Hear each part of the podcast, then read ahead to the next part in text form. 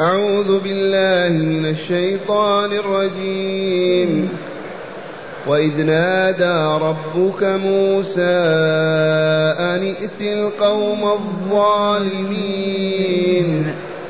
قوم فرعون ألا يتقون. قال رب إني أخاف أن يكذبون.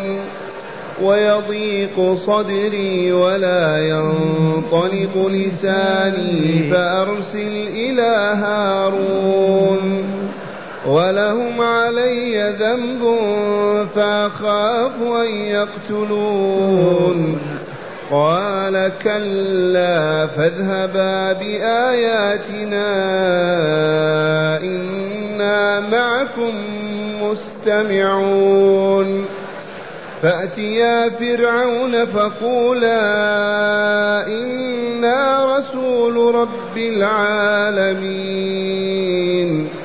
أن أرسل معنا بني إسرائيل.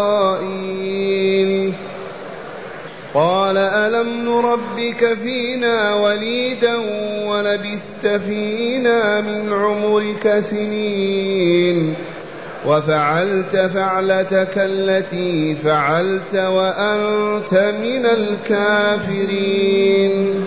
قال فعلتها إذا وأنا من الضالين.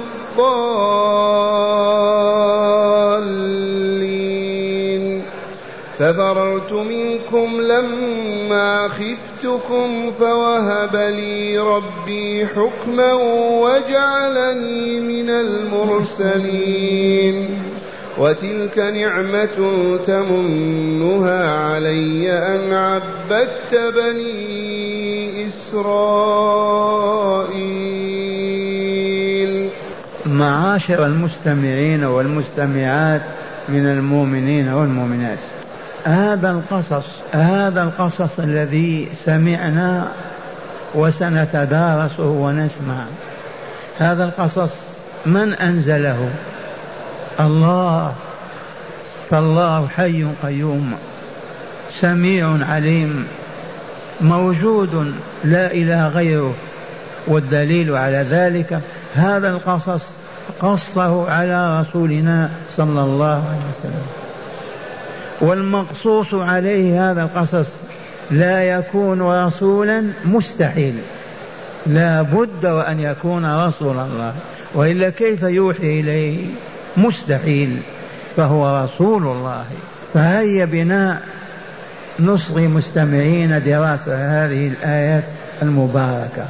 يقول تعالى وإذ نادى ربك موسى اذكر يا رسولنا لهؤلاء المكذبين الملاحدة العلمانيين الكافرين المشركين. اذكر لهم هذا الحدث الجلل تم بعد قرون عديدة. كيف بلغك؟ كيف وصل إليك؟ لولا أنك رسول الله يوحى إليك. إذ نادى ربك موسى من موسى هذا؟ هذا موسى بن عمران. أحد أنبياء ورسل بني إسرائيل. وموسى يمال قراءة نافع موسى والأصل فيها موشي وموشي ديان مات عليه لعين الرحمن. لأنه ألقي في اليم فعبثت به الأمواج أمواج النيل فوجد بين الشجر والماء فقالوا موشي موشي. وجد بين الشجر والماء. هذا موسى كليم الله عز وجل. وإذ نادى ربك ربك نادى موسى فالله متكلم وينادي. ناداه أين نادى؟ بجبل الطور. متى تم هذا؟ بعدما قضى موسى ثلاثين سنة تقريبا في مصر وكان كابن لفرعون يركب خيوله يتصرف في ماله كابنه. وشاء الله عز وجل أن يقتتل اثنان قبطي وإسرائيلي فيستغيث الإسرائيلي بموسى لأنه ابن الملك. فتقدم موسى فلكم القبطي فمات. وقعت في القلب لكمة عنيفة مات ما أراد قتله. أراد أن يخلص ذلك الإسرائيلي من قبضة هذا القبطي.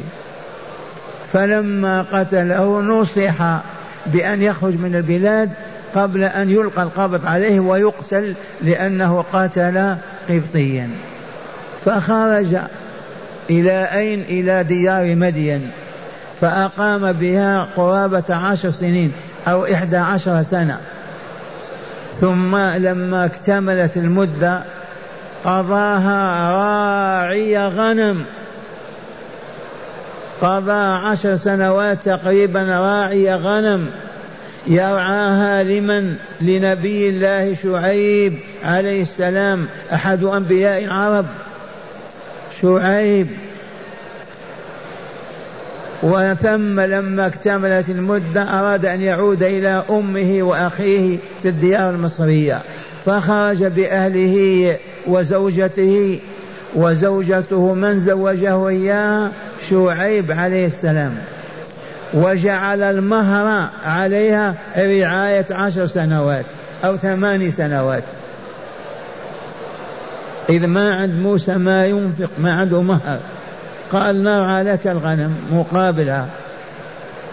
وفي طريقه ووصل إلى جبل الطور ناداه الله.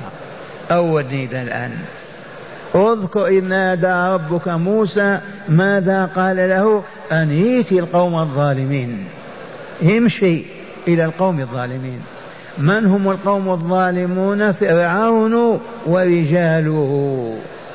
أن ائتي القوم الظالمين قوم فرعون ألا يتقون؟ يجب أن يتقوا الله عز وجل. يأكلون ويشربون وينعمون ويكفرون بالله ويكذبون بآيات الله ويعبدون صنما أو يعبدون إنسانا يبول ويخرى كفرعون. ما لهم يجب أن يتقوا. امشي يا موسى. فماذا قال الكليم عليه السلام؟ ربي إني أخاف أن يكذبوني. نعم أنت تبعث إلى دولة إلى أمريكا ولا بريطانيا بمفردك وتطالبهم بسقوط حكومتهم وإدخال في الإسلام من يقوى على هذا. أعظم من هذه. قال أخاف أن يكذبوني. ما يستجيبون لي. ما يعطونني بني إسرائيل. ما يتركون تأليه فرعون وعبادته. هذا أولا وثانيا ويضيق صدري. موسى كان شجاعا قويا ومن هنا إذا غضب يضيق صدره. ما يطيق ما يتحمل. وفي هذا شكاية لربه ويضيق صدري ولا ينطلق لساني لأن فيه لكنة عقدة في لسانه. وسببها تذكرونه لما كان يحبو في حجر فرعون حاول أن يقوم فأمسك بلحية فرعون وجذبها وقام غضب فرعون. قال هذا له شأنه هذا. واللطيف نقول فرعون بلحيته إي والله لماذا؟ حلق اللحى مكرة يهودية ليستوي الفحول بالنساء الكل نساء ما في رجال. وإلا اللحية فطرية ما كان يحلقها لا كافر ولا موم ولا مشرك. أراد اليهود أن يخنثوا الرجال سنوا لهم هذه السنة ومدحوه ومدوا فيها وغرزوا أصابعهم فحلق الفحول رجالهم فأصبح رجل المرأة على حد سواء. والله فرق بينهما. إذا لما غضب فرعون أراد أن يقتله. هو يعرف أنه من بني إسرائيل طفل. فقالت له أمه أم موسى آسيا ما اسمها؟ آسيا بنت مزاحم عليه السلام مذكورة في القرآن بالإشارة. إذ قال وامرأة فرعون إذ قالت رب ابن لي عندك بيتا في الجنة ونجني من فرعون وعملي ونجني من القوم الظالمين. هذه آسيا بنت مزاحم عليه السلام. إذا ولا ينطلق لساني قلنا لما جذب اللحية وغضب فرعون أراد أن يقتله قالت له آسيا هذا ما يعقل ولا يعرف. امتحنه. كيف نمتحنه؟ آتوا طبق فيه جمر وآخر فيه تمر. وقدموا الطبقين للغلام. إذا كان مميز ويريد أذيتك يتناول التمر ويترك الجمر. ولكن الله معه وضع يده على الجمر وألقى الجمر في فيه فاحترق لسانه فكان في لكنة عقدة. ومن ثم عفى فرعون عنه ولم يقتله لأن الله ما أراد ذلك. ويضيق صدري ولا ينطلق لساني فأرسل إلى هارون أخي يأتيني ويمشي معي ويدعو معي. أخوه كان في مصر مع أمه.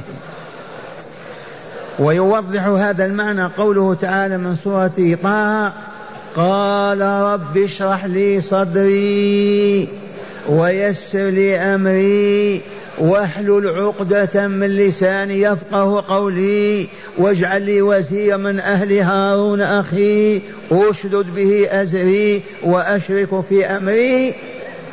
كي نسبحك كثيرا ونذكرك كثيرا. سبحان الله. هذه الطلبات الضخمة العظيمة كلها من أجل أن يسبحوا يذكروا تأملوا يرحمكم الله. اسمعوا الطالبات. ربي اشرح لي صدري ويسر لي أمري. واحلل عقدة من لساني يفقه قولي. واجعل لي وزيرا من أهل هارون أخي. اشد به أزري وأشرك في أمري. كي من أجل أن نسبحك كثيرا ونذكرك كثيرا. عرفتم قيمة الذكر والتسبيح؟ من لم يذكر ويسبح والله ميت. لا حياة له. لو تسألني ما علة هذه الحياة كلها لما وجدت من أجل أن يذكر الله تعالى فيها.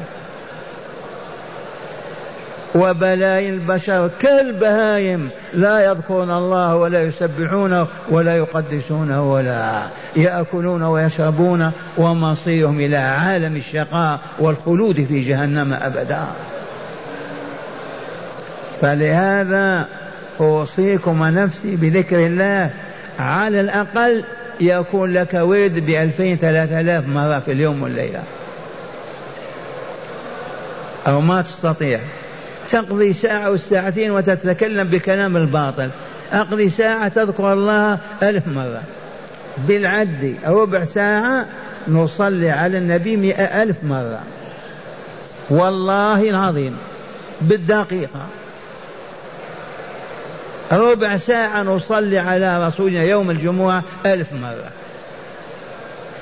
ثم الأواد التي لا بد منها سبحان الله وبحمده مئة مرة. لا إله إلا الله وحده لا شريك له له الملك الحمد على كل شيء قدير مئة مرة.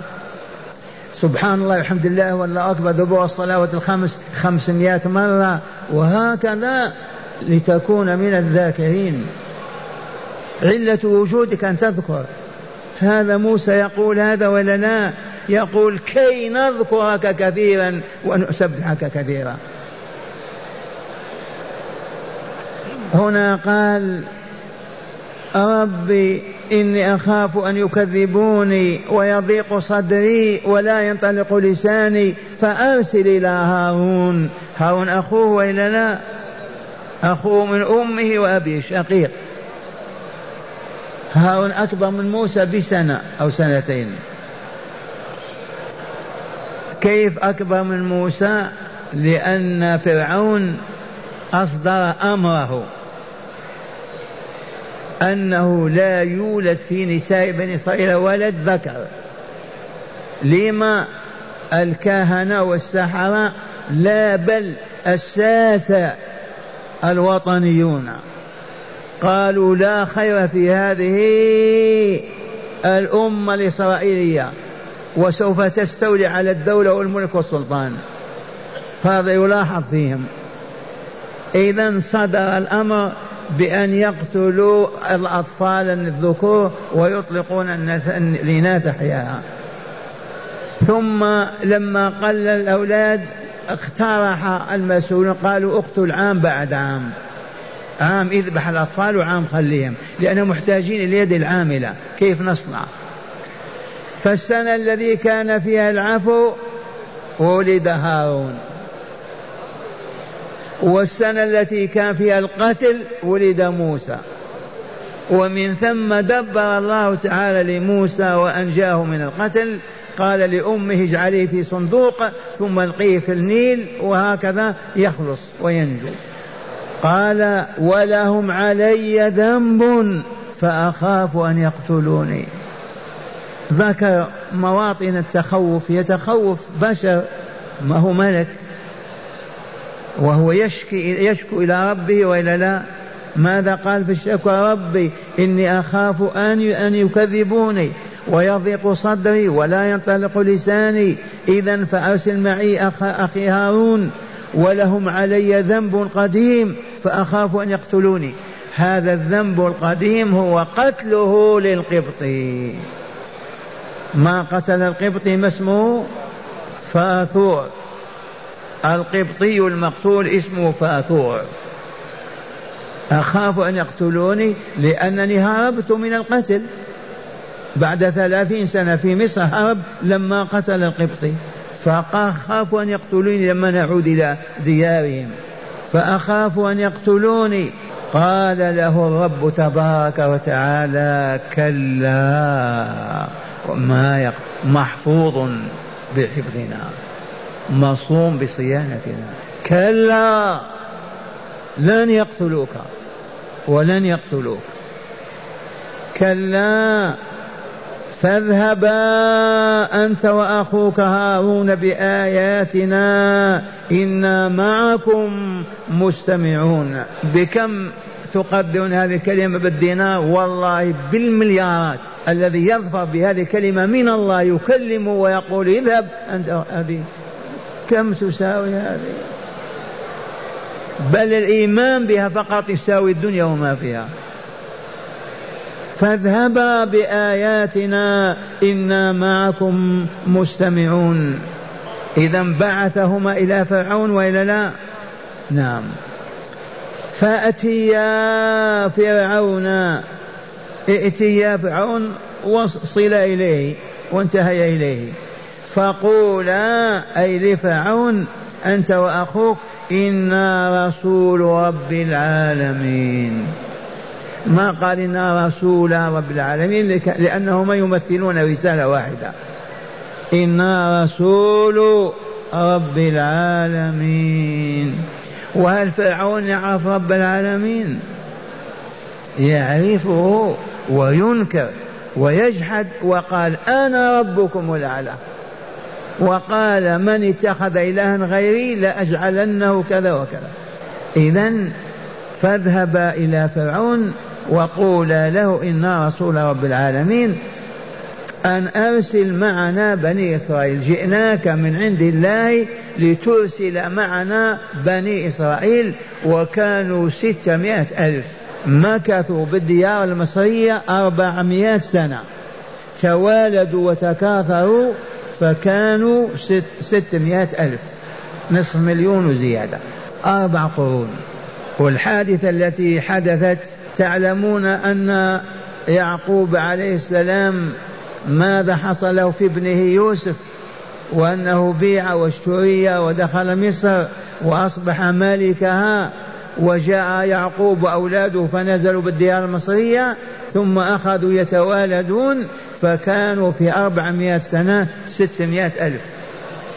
والآن موسى وهارون يطالبان بأن يرسل فرعون بني إسرائيل إلى أرض القدس إلى ديارهم. ما يبقون في ديار الكفر؟ إلى ديار القدس. أن أرسل معنا بني إسرائيل أولاد إسرائيل. إسرائيل من هو هذا؟ يعقوب. إسرائيل كعبد الرحمن كجبريل كميكائيل. اسم الله معه مركب معه. ماذا قال فرعون الآن؟ قال فرعون لموسى وأخيه ألم نربك فينا وليدا؟ ما أنت الذي تربيت في بيتنا؟ طفلا. والآن تتعنت وتطالب ببني إسرائيل. ألم نربك فينا وليدا؟ مولود لأنه قدم إليه وهو يرضع رضيع. ولبثت فينا من عمرك سنين. قرابة ثلاثين سنة. ولبثت فينا نحن الأقباط ودولتنا من عمرك سنين عديدة هي قرابة الثلاثين سنة. وفعلت فعلتك. وفعلت فعلتك. التي فعلت وأنت من الكافرين بالنعم المنكرين الجاحدين لإنعامنا عليك وعلى أمك وعلى إخوانك. فرعون هذا طاغية فصيح بليغ. فرعون أصله كان لصا. تبهتم كان لصا إذا جاءت جنازة يقول ما تدخل البقيع حتى تدفع ريالين السلاح في يدي كل ما يجي جنازة إلى أين؟ المقبرة. هاتوا. حاولوا معه ما انتصروا. إذا فما كان من فرعون أي السلطان في ذاك الوقت إلى أن استخدمه حارس عليه في القصر. قاتل ذلك السلطان وتكبه وحكم هذا الجبار. اسمع ماذا قال فرعون. ألم نربك فينا وليدا؟ ولبثت فينا من عمرك سنين. وفعلت فعلتك. القبيحة المنكرة ما هذه الفعلة؟ قتله للقبطي وفعلت فعلتك التي فعلت. وأنت من الكافرين. لا يعني غير المؤمنين. يعني الكافرين بالنعم التي ننعم بها عليك. ما شكرت لنا ما أعطيناك وما وهبناك لأن الكفر والجحود. جاحد النعم وكل كافر جاحد.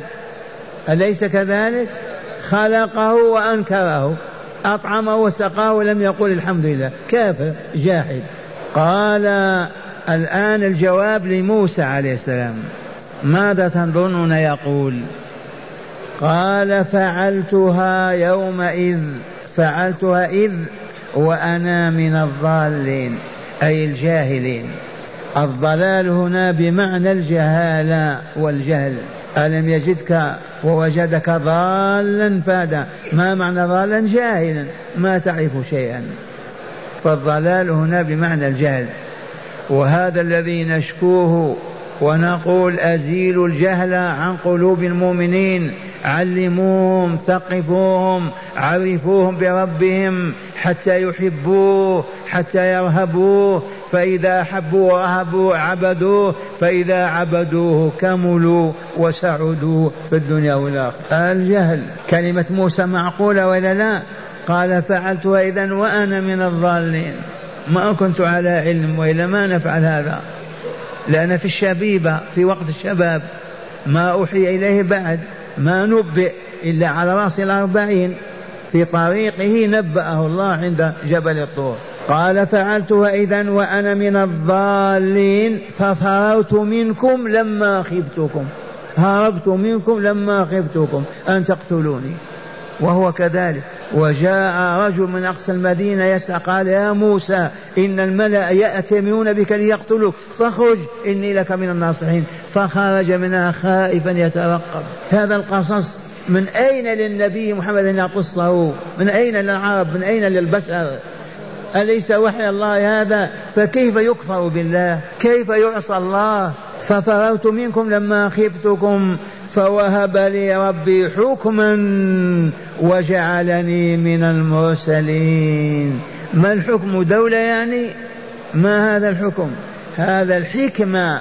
أعطاني قدرة أحكم بها نفسي فلا أعصي ولا أقترف ذنبا ولا أخشى ذنبا من الذنوب.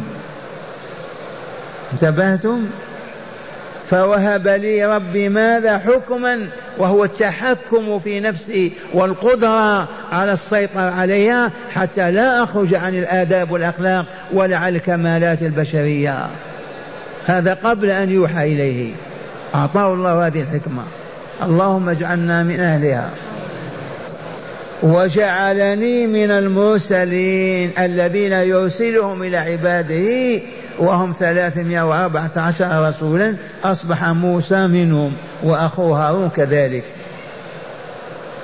ثم قال موسى لفرعون وتلك نعمة تمنها علي؟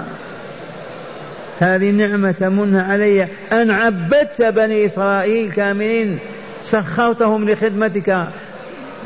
ماذا نقول أمة شعب كامل. ستمائة ألف يخدمونك. والآن تمن علينا أننا تأكلنا في بيتك وتربينا. أنا فرد أنت استعمرت أمة كاملة.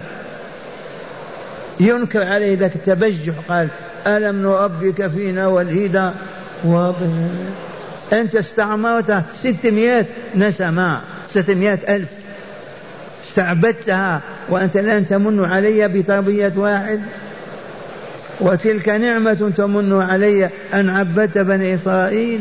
ما زال القصص نكتفي بهذا القدر ونسمعكم ما في الشرح والهداية للآيات. اسمعوا شرح الآيات. قال قوله تعالى وإذ نادى ربك موسى. هذا بداية سلسلة من القصص. بدأت بقصة موسى وختمت بقصة شعيب. وقصها على المشركين لماذا ليشاهدوا أحداثها ويعرفوا, ويعرفوا نتائجها وهي دمار المكذبين وهلاكهم مهما كانت قوتهم وطالت أعمارهم. قال تعالى في خطاب رسوله محمد صلى الله عليه وسلم وإذ نادى ربك موسى أي اذكر إذ نادى ربك موسى في ليلة باردة شاتية بالموا شاتية بالوادي الأيمن من البقعة المباركة من الشجر بجبل الطور. أن ائتي القوم أن ائتي القوم الظالمين قوم فرعون. إذ ظلموا أنفسهم بالكفر والشرك وظلموا بني إسرائيل باضطهادهم وتعذيبهم.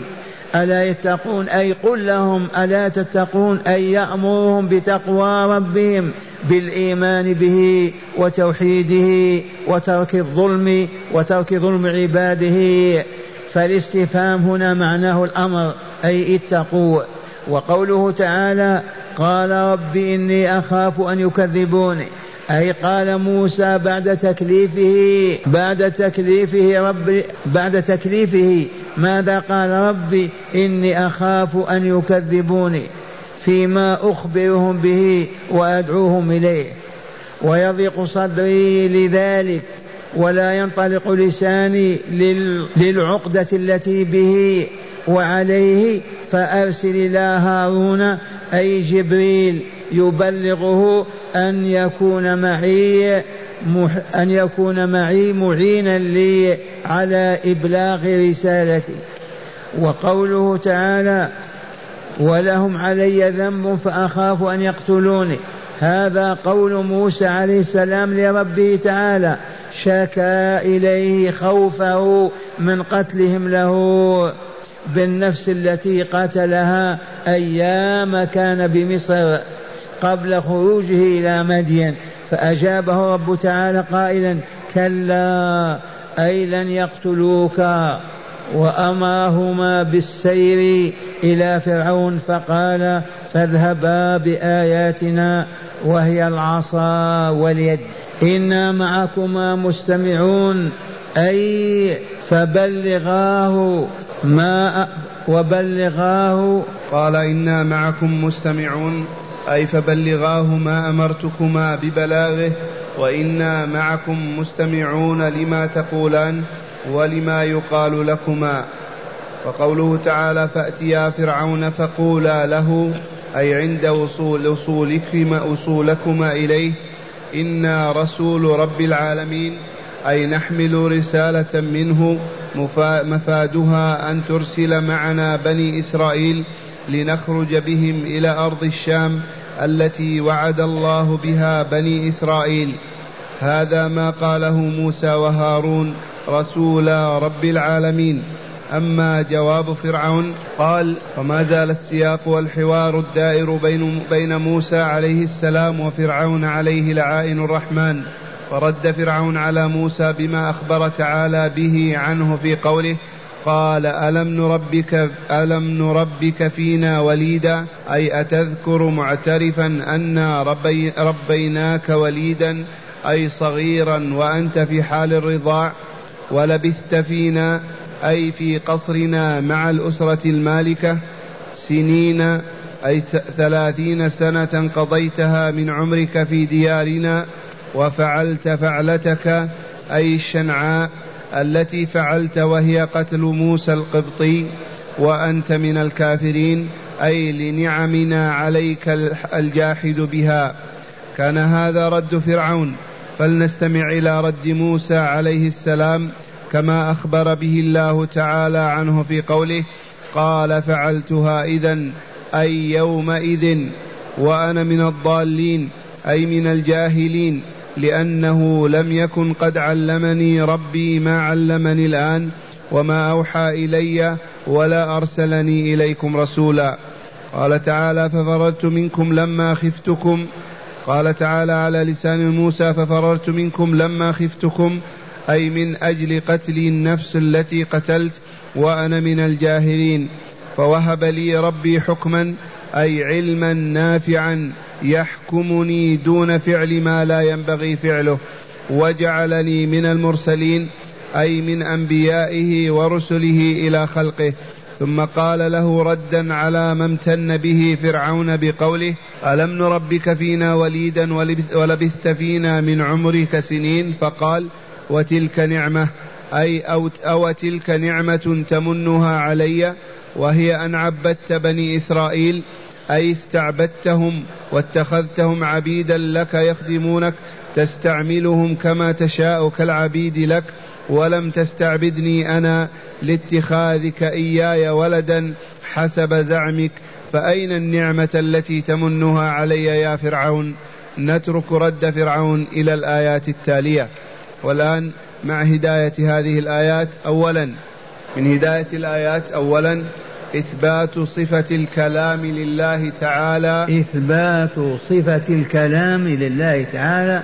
فالله متكلم ويتكلم. والذين ينفوا هذه الصفة يكفرون. نعم. ثانيا لا بأس بإبداء التخوف عند الإقدام على الأمر الصعب ولا يقدح في الإيمان ولا في التوكل. لا بأس بالتخوف من الإنسان إذا أراد أن يقدم على أمر صعب في مخاوف كما خاف موسى ولا حرج لا يطعن في إيمانه ولا في إسلامه هذا التخوف نعم. ثالثا مشروعية طلب العون والمساعدة من المسؤولين إذا كل كل إذا كلفوا الأمر بما يصعب إذا كلفوا المرأة بما يصعب. إذا كلف الحاكم الإنسان بما يصعب له أن يطلب العون والمعونة كما طلب موسى من ربه أن يرسل معه أخاه هارون وأن يحلى العقدة من لسانه. نعم مشروع هذا. قبح جريمة القتل عند كافة الناس مؤمنهم وكافرهم وهو أمر فطري. قبح جريمة القتل في البشرية كلها. إلى يوم القيامة. ما هناك جريمة أقبح من قتل إنسان. ومع الأسف يقتلون بالآلاف ومئات الآلاف.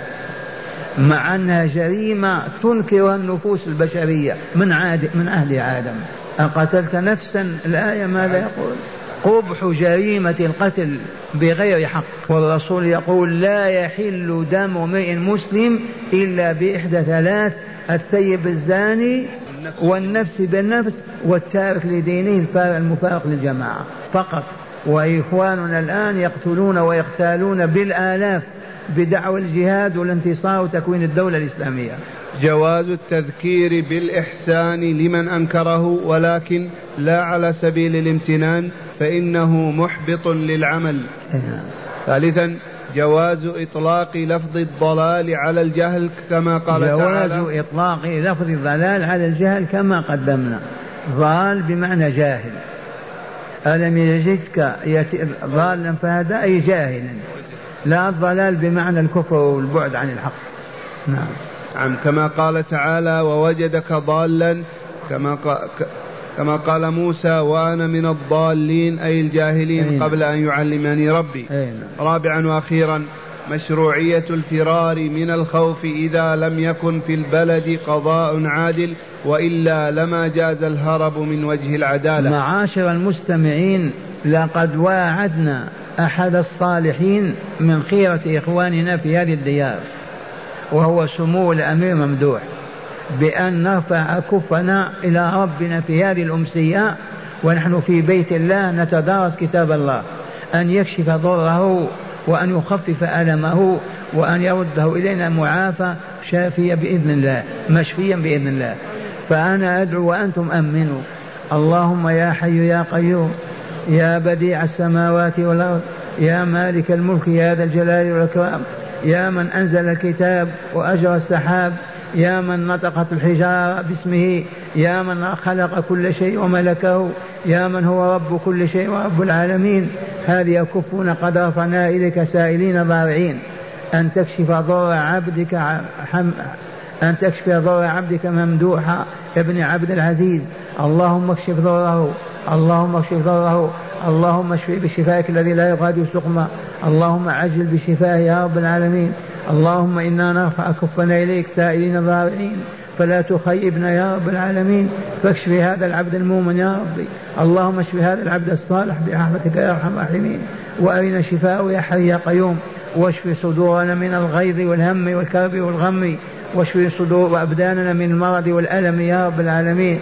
واشف كل مؤمن ومؤمنه في هذه الديار وفي عالم الإسلام أجمعين يا رب العالمين. وتوفنا جميعا وأنت راضي عنا وأدخلنا برحمتك في عبادك الصالحين.